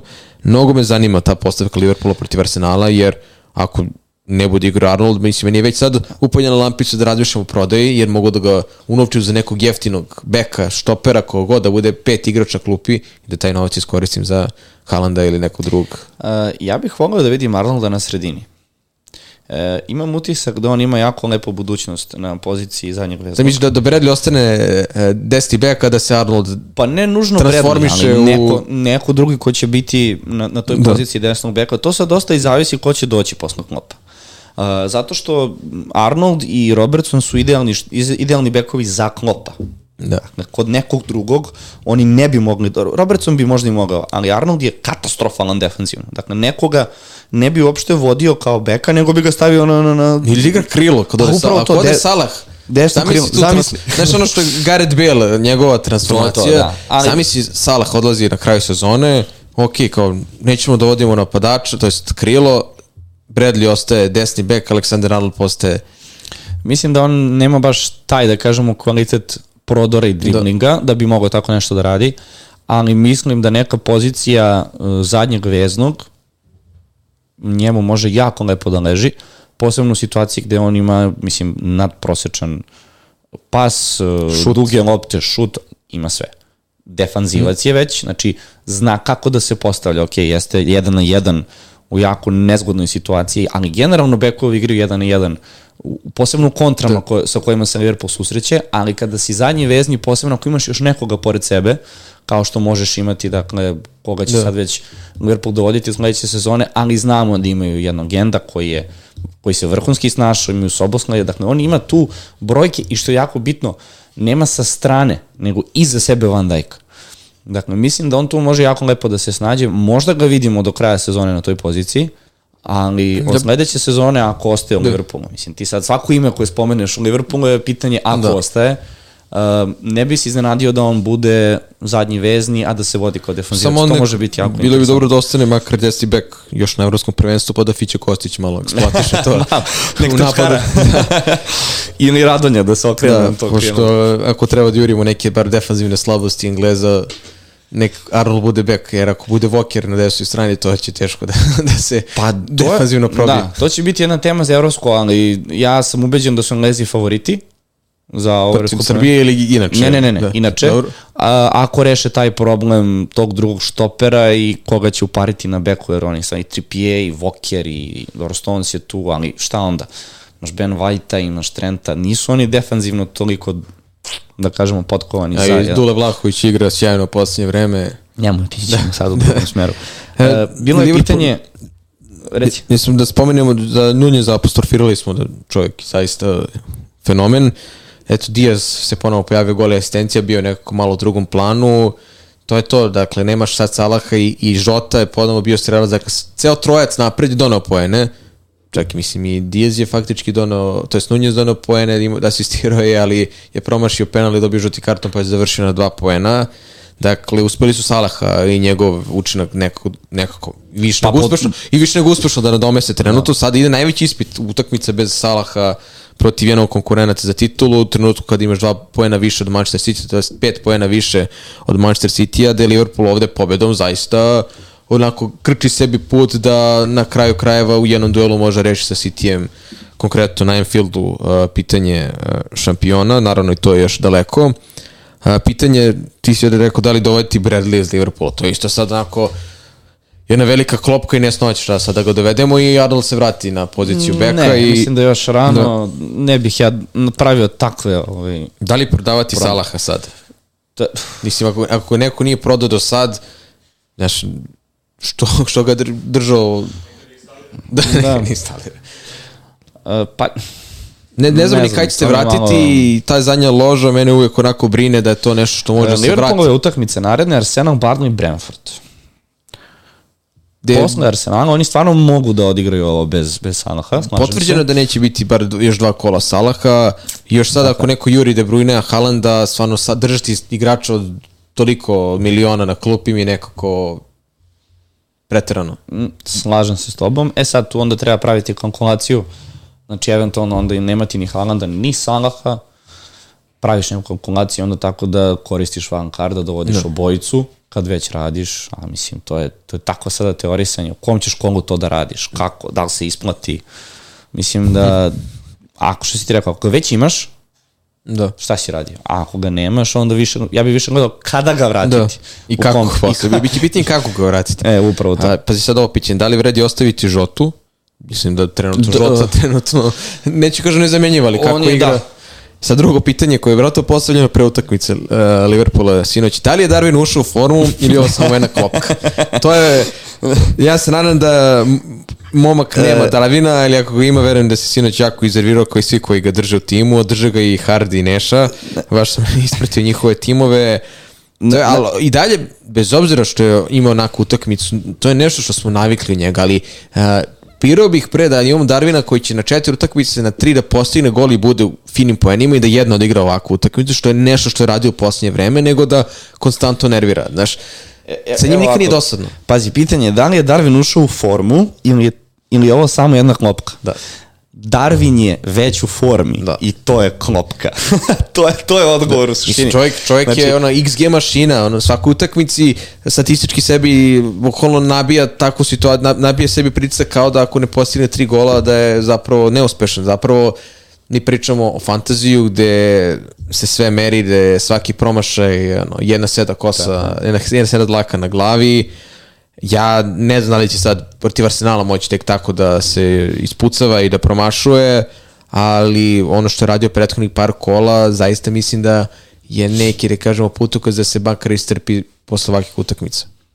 Slažem se. Jer Liverpool bez njega u napadu je znatno manje opasniji, bez obzira što on, na primjer, nije postigao gol juče, on je neko ko unosi taj haos, taj nemir, tu magiju, kakav god da je makar pogađao stativu ili promašivao nemoguće. Sve to dođe na naplatu u nekom trenutku. Što ljudima koji ga imaju, što ljudima koji ga nemaju. Tako da, ćemo da idemo na posljednju utakmicu. Da, ovdje ima i najviše pitanja. Pogledaj koliko pitanja su nam spremili. Da, 50 je, uh, ne, trećina De Bruyne, trećina Haaland, trećina Toni, verovatno. Da, i Alvarez. E, i Alvarez, da. Posljednja utakmica koja se igra u ponedeljak, Brentford kod kuće dočekuje Manchester City. Zgodno je odmah da pričam o ovoj utakmici zato što je u suštini i ovo bitna utakmica za, za borbu za titulu. O da, sad, jer, sad već ulazimo u onaj deo sezone gde ima ostalo još 16 kola, 15 kola do kraja, uh, nema više toliko prostora za kiks, Manchester City, Manchester City, Ja ne mogu. City, na, futbaleri City, to jest Pep konačno može da računa na čitav tim, svi su manje više zdravi i sad je oni trenutak kada taj pep rulet i rotaciji mogu da uzmu e, danak, ali sve okej okay sa kamerom?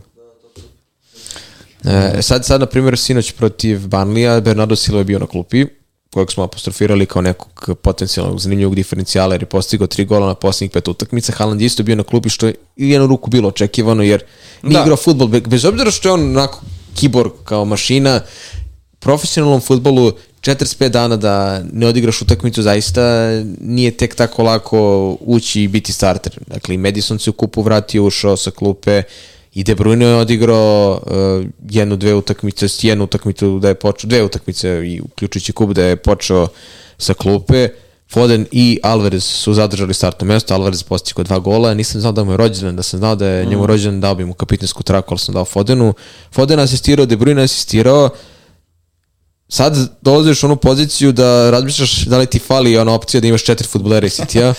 Pa tako se nekako namešta sezona, da. Jer stvarno mislim da pored ovakvog ofazivnog potencijala koji ima City, ne treba držati njihove defanzivice, evo Walker je bio na klupi, ali ovo, prim, primili su gol, pa kao ne bude ti žao jer nisu uzeli clean sheet poene, ali ti sad u nekom narednom periodu uz duplo kola ko sledi City, bez obzira na rotacije koje su moguće, ne mogu sebe da zamislim da nemam tri od četiri ova najpopularnija futbolera. Dakle, da imam Halanda, Alvareza, Fodena, da imam Fodena, Alvareza i De Bruyne, kao neka onako varijanta, nemam Halanda, ali imam sva tri ostale kao znadu da ne mogu da pokriju, ili da imam Halanda, da Alvareza žrtvujem jer kao ne želim da imam dva napadača City, da mi Foden bude konstanta, i, ili De Bruyne, znaš, tu sad treba razmisliti koje su prednosti, koje su mane, da li će De Bruyne da se uh, odmara na nekim utakmicama jer je izašao iz povrede, da li će Foden konačno da dobije neki odmor jer je manje više konstantan, ali i Alvarez je konstantan što se tiče minuta i igara, tako da jako nezahvalno sada prognozirati, meni naravno deluje da kada Haaland uhvati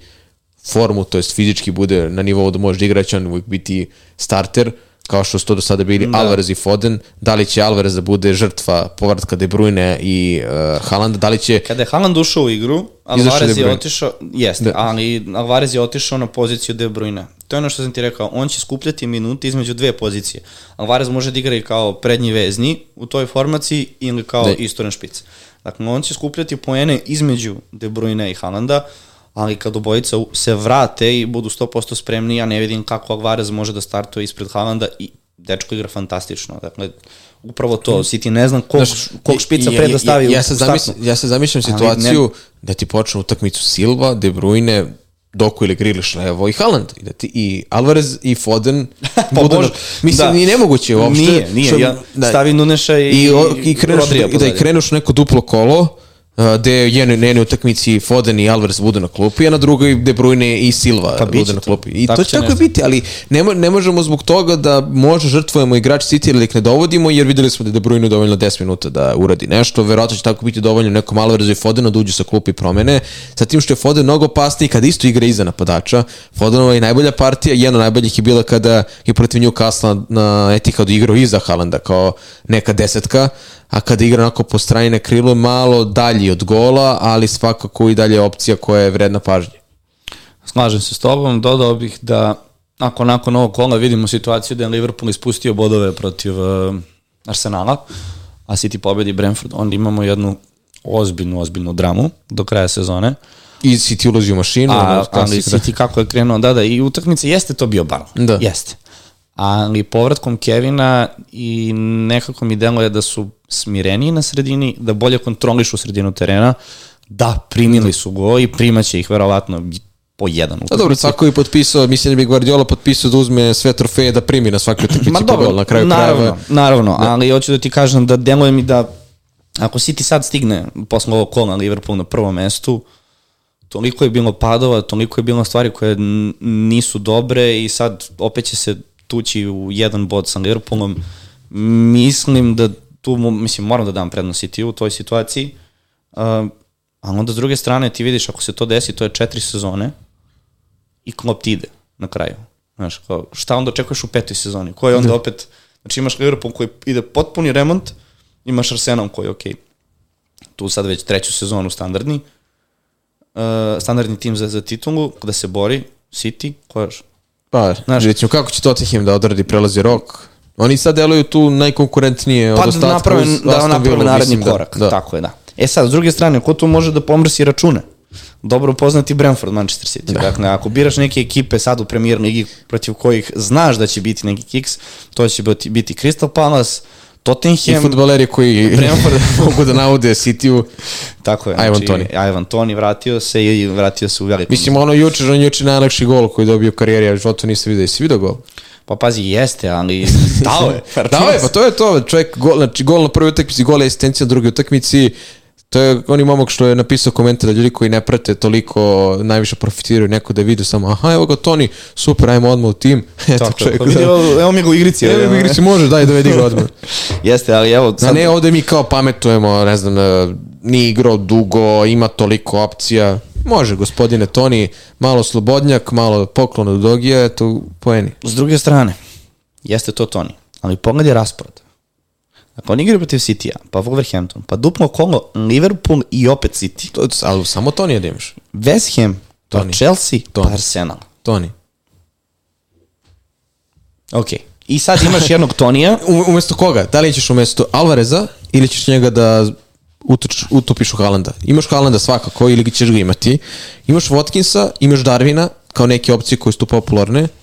Gde ćeš da imaš Solanki dalje na nekih Da nemaš ti 45% para više na- na Čak i pare su, da, tako, nemaš ti para i sad treba da ubacimo nekog Tonija. Ti imaš šest, po mom mišljenju, napadača koji su i tekako kvaliteti za fantasy. Zdrav Haaland, Alvarez, Darwin, kakav god daje, Tako je. donosi poene, Oli Watkins, Tako je. Solanki. Solanki. I evo sada i Toni. Jer je imamo- proveren napadač, imamo šest napadača. Avonija koji kao iz Senke, malo jeftiniji. Wood ima, I Wood ima je. a, dobar period u posljednje vreme, dakle mnogo je tu napadača. I onda, Žao i- Pedro, i- Ferguson. i Pedro koji se povredio, ali... Jesus, Ne, da, evo, Žezus, zaboravljamo, ali on je tu i skup. Gordon, dobro, Gordon je napadač, ovo igraće, ali Isa kako se vrati. Dobro, Isak, sam, E, nisam ga imao ove sezone, bez obzira što i do donosio golove upravo zbog ovoga. Zamisli da, ga, da sam ga doveo pri dva kola i sad mi se povredio i tako idem u krug. A prošle Kunja. godine sam ga doveo na wild card, dao je gol i nestoje. Isto i on i Nathan Patterson. To mi je totalno kanalilo sezonu tada. Uh, kako ti deluje sad ova situacija? Brentford City, šta Ja bi vidio, očekuješ? vidio će li biti golova. Ja mislim da je ovo trenutak gde City malo diže to jest pojačava brzinu iz neke treću, četvrtu ili iz druge u treću, da ovde očekujem da će biti tipa 3-1, 3-2, može 4-1 za City, ali ovde očekujem da će Brentford da nekako uvolja njima gol, to jest da City nađe način da primi gol, pošto više delo da je City sam sebi uspeo da, da počasti protivnike tako što će da primi gol, ali ovde očekujem pobedu City-a, i dalje ne verujem u neku značajniju rotaciju, to jest verujem u minute i Fodena i Alvareza, a sad da li će i Haaland i De Bruyne biti starteri, kako će ih kombinuje, ne znam, ali ako već sad do narednog meča jedan od dvojice Fodena i Alvareza budu žrtve Pep ruleta, već onda imamo igranku. Pa da, mada ja mogu da zamislim situaciju, evo, znači, da ti imaš Haalanda u špicu, iza njega da budu Alvarez i Kevin, Da. i na krilima da ti budu Foden Doku, da Bernardo igra sa Rodrijem sada pozadi, ili da to bude Da bude Kovačić. 4-1-4-1 neka varijanta da... Ja bih tako voleo da to konačno promene i u jednom trenutku da, ma ne može očigledno ove sezone Stones izdrži, ali sledeće sezone da se vrate na onu, na onu staru formaciju 3-2, 4-1, je li tako? 3, 2, 5, 4, jeste, 3, 2, 4, 1. Ma, ali verovatno to tek od sledeće sezone. mi pitanja. Konstatacije. Od sve djece najpre vratiti Mađoničara De Bruyne. Ima logike, znaš. Jeste, ali to te toliko zaključava, a to, to je jedna asistencija gore Da. dole koju može imati i Doku i Foden. Doku koji je samo greškom, umesto da pogleda na desno, krenuo da oda Nunješu na levo, da je dobro dodao, Doku bi imao asistenciju, pod broj 1, i pod broj 2 imali bi Haalanda koji je dao gol. Tako što ušao sa klupe. Da. Mislim da su to tolike sitnice, a skoro je duplo skuplji. Znači ti za jednog Kevina dovedeš maltene dva igrača. Da, Da, e- mene to, znaš, malo ovaj, Triple brine captain na dovoljno. Haalanda u duplom kolu. Ja sam, na primjer, tu ciljao Salaha, ali već sada deluje da je Salah za duplo kolo vrlo, vrlo e, riskanta tema. To jest, mi pričamo o Salahu o duplom kolu, to ako Liverpool i Luton budu potvrđeni kao timovi koji će imati duplo 25. kolo, što više vreme odbiće, deluje da može da se desi da Liverpool i Luton nemaju na kraju duplo 25. kolo, ali Manchester City, Manchester City sigurno ima duplo Pa Chelsea 25. Brentford. Da, duplo 25. kolo, vrlo moguće da ću ja da aktiviram neki triple captain ako da li na Haaland ili nekog drugog, to ćemo već da vidimo. E, ovo je pitanje koje sam teo da izvučem. jedna ozbiljna debata gde... A, za cenu? Zašto je Haalandu pala cena samo jednom, prodalo ga, je- prodalo ga preko 40% igrača, a zašto je mu onda cena tako skočila brzo? To je pitanje na koje zaista ni ja nemam odgovor i meni niko, jasno da. i volio bih da znam kao neko ko ono uvek voli da isprati skok i pad cena, njega nije bilo 45 dana. Dakle, njega je prodalo skoro polovina realnih igrača, a da ne kažem tri četvrtine, ne, pet šestine igrača koji su trenutno aktivni. Dakle, mnogo igrača više ne igra u onim zaničnim procentima. Kako je moguće da njemu samo 0,1 pala cena, a da mu je 5 dana od kako se vratio skočila povratka? Dakle, moguće, morali bi da, znaš šta je morali? Da izvučemo statistiku kako je padala drugim igračima cena kada su povređeni, a kada nisu. To, to je jedin, Možda- jedino što može da bude argument. da, je, da aplikacija ima neki ključ, neki algoritam gde može malo više štiti futbolere i njihove cene kada je neko povređen. Jer mi deluje da mnogo brže padaju cene kada neko prosto ne igra u lošoj formi, a nije povređen. To mi je skroz da. legit. Ej, ali to se generalno dešava, znači Da. ne postoji izuzetak. Moguće da samo jednostavno nismo primetili ili da ne vodimo računa da. toliko o tim igračima koji se povrede. Ali opet s druge strane, jeste to je fair argument. Pa čekaj, ne igram loše, povređen sam. Mislim, naravno da će me prodati ljudi. Da. Znači, ne prodaju me, Haaland je od najbolji primjer. Dakle, čovjek koji je najbolji strelac, povredi se. Ljudi ga ne prodaju zato što igra loše. Znači, ako cena prati uh, vlasništvo i formu, ne možeš ti da vodiš argument, povredio sam se, ne mogu da izađem na teren, da ti padne cena pola miliona Da. ili ceo milion. Mislim, absurdno je. Realno je absurdno. Moguće da je to, ali bi morali negde da, da izvučemo stvarno statistiku ostalih igrača pa da kažemo, je, Da, ba, baš, baš nekako nejasno. Evo, pitanje defanziva City je za fantasy ne, No, dalje. Da. Sledeće pitanje, da li treba dovesti Kevin i Haaland dok nema Salaha? To je sad onako jako kompleksna tema. Ja, na primjer, dalje nekako ne mogu sebe da uverim da ubacim eh, Kevina i imam i Fodena i Alvareza, čak bih pre imao varijantu da nemam Kevina i imam i Haalanda i Alvareza i Fodena i ne znam zašto, jer sam nekako prethodnih sezona kad je Kevin bio zdrav, često ga imao u timu, moguće da grešimo, ajde vidjet ćemo. Da li prodavati Fodena, mislim da još ne. Da li je mnogo tri igrača City-a, pa u ovom trenutku kada im i sledi duplo kolo i ako uhvati neki ritam, bar ofanzivno tri futbolera može, čak i nije mnogo. Ako se pogode. Da. Haaland umesto Alvareza, da li će Alvarez biti u drugom planu, dokle god Alvarez ovako igra, ne znam. Ne znam. Ne. Ja, uh, o, on će uzeti minute Bernardo Silvi ili Da. Fodenu na kraju, nego Haalandu. To, to je ono možeš si priča ako Bernardo Silva napušta City naredne sezone, da njemu može nekako prirodno da padne drugi plan jer će Pep da igra s igračima na koje računa da će biti to naredne sezone. To će gotovo biti izvesno ceo taj kvartet napred, a kada je zdrav. I ubaciti Tonija, to je onako pitanje za kraj. Pa, Od kako je došao, donosio poene sa tim, ako Znam. ubacuješ, moraš da izbaciš verovatno, verovatno ili Watkinsa, ili Darvina, meni ili tu Solankija. raspored mi smeta. Da. Brentfordov jedan od najtežih u narednih Pa, možda to je mesec to- i po dana. ali jed, jedini argument da imaš nekog iz Brentforda jer ima, imaju najviše utakmica do kraja. To je naravno period imaju i duplo kolo, a nemaju prazno 29. kolo. To je meni argument da imaš Makratonija. Znači mogu da prime i 7 golova, ako daju dva gola, ako Toni učestvuje, on je donao poene. Samo što dovođenjem Tonija gubiš visoko nekog igrača koji ima visok procent vlasništva, to mora onda biti ili Darwin, ili Solanke, ili Ja, znači, eventualno... Vo- Watkinsa bi Watkins. imao pre Tonija i automatski jedan drugo zaključavaju. Ja bi to Mm, tako vodio. Ćemo da uradimo izmene za ekipu i da Može. završavamo. Samo sekund. E, što se tiče transfera, jedan transfer imamo, 9,6 miliona u banci. E, na golu, Leno Areola, to, Dobro. to ostaje. Odbrana, Keš, Estupinjan, Colville, Arnold, Udogi. Sredina, Gordon, Palmer, Foden, Jota, Martinelli. Uh, napad, Archer, Watkins, Solanki. Da li može vreme da se pozdravljamo sa Martinelijem ili da ga držimo? Meni je on onako jedan vrlo, ako mene pitaš, jedna skupa akvizicija. Na Ili da uzimamo nekog trećeg napadača ili da vraćamo Haalanda. Znaš kako, u odbrani nema potrebe nešto da menjamo specijalno. Imamo Arnolda, imamo Dogija, Estupinjan, da vidimo da mu Kad damo smo ga već šansu. doveli, nema Tako. glupo da ga prodajemo. Tako je, Žota treba da ostane, Foden treba da ostane, Palmer treba da ostane, Gordon treba da ostane. Uh, napadu, Watkinsa ne bi menjao. Znači imamo priču Solanke, Archer, Martinelli. Dakle. Rekli smo Solankija da je on u nekom narednom periodu Još dve utakmice da dobije priliku. tako je. Da, mislim, ne bi igrao čip u suštini. Igrao sad, sa to je- Nottinghamom kod kuće, postigao je tri gola na prošloj utakmici, ne bi ga prodavao, danas ne bi je Maler.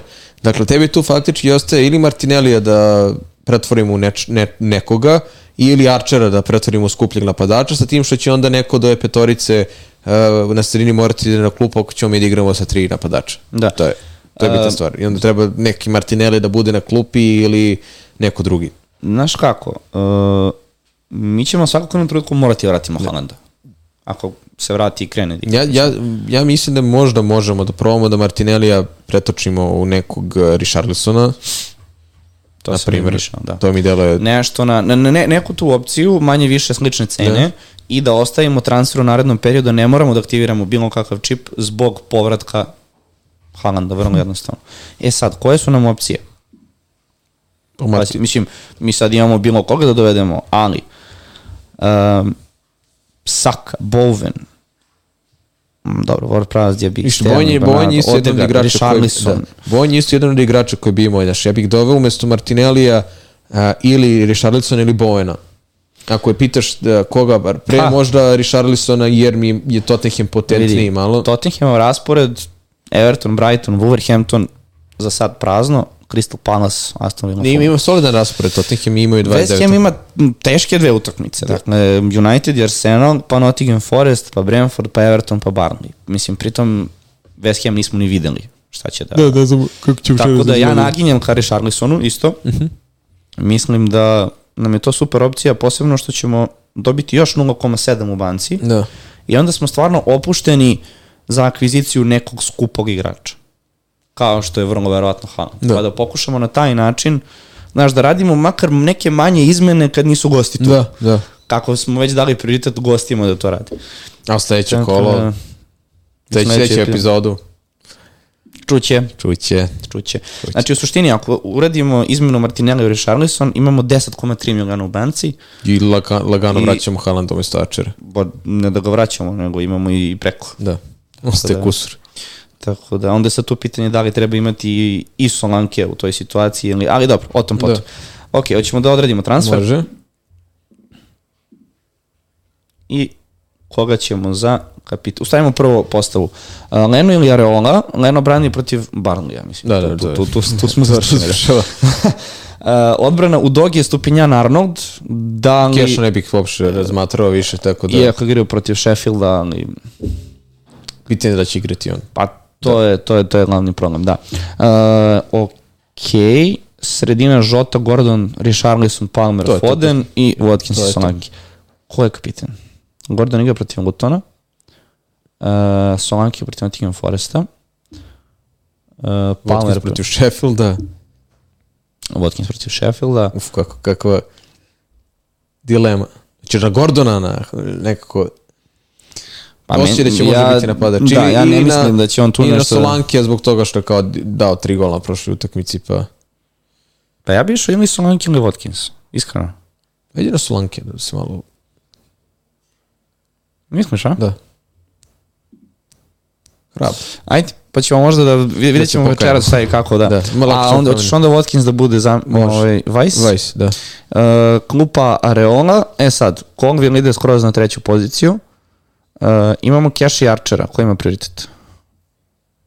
A što bi Archer išao u napad? A, za klupu? Ba da. A, Archer. Onda to je to. To je to. Save team. Ne zaboravimo, tako. Što to bi bilo to? To je to. Odjavljuj. Ništa, hvala vam puno na pažnji, nadam se da nisu bili previše umorni i nekako izmoreni, jer ovo je zaista prvi put. Da. Eto, nismo uspeli ni ovo da skratimo, trudili smo se da budemo onako poprilično brzi, brzi i precizni i nećemo više snimati ujutro, to ti ja sigurno O, garantujem. definitivno. Ovo baš onako. A, vama svakako hvala na pažnji, sledeći epizod je nam veliki jubilej i drago nam je da su stigli do 50. To onako deluje ni puno ni malo, opet 50 puta smo se ovako gledali. Da, to, to ne, baš ne dele uopšte puno, Ne dele puno. ali kad vidiš jednu epizodu, kao, uf, čekaj, Da. 50 komada.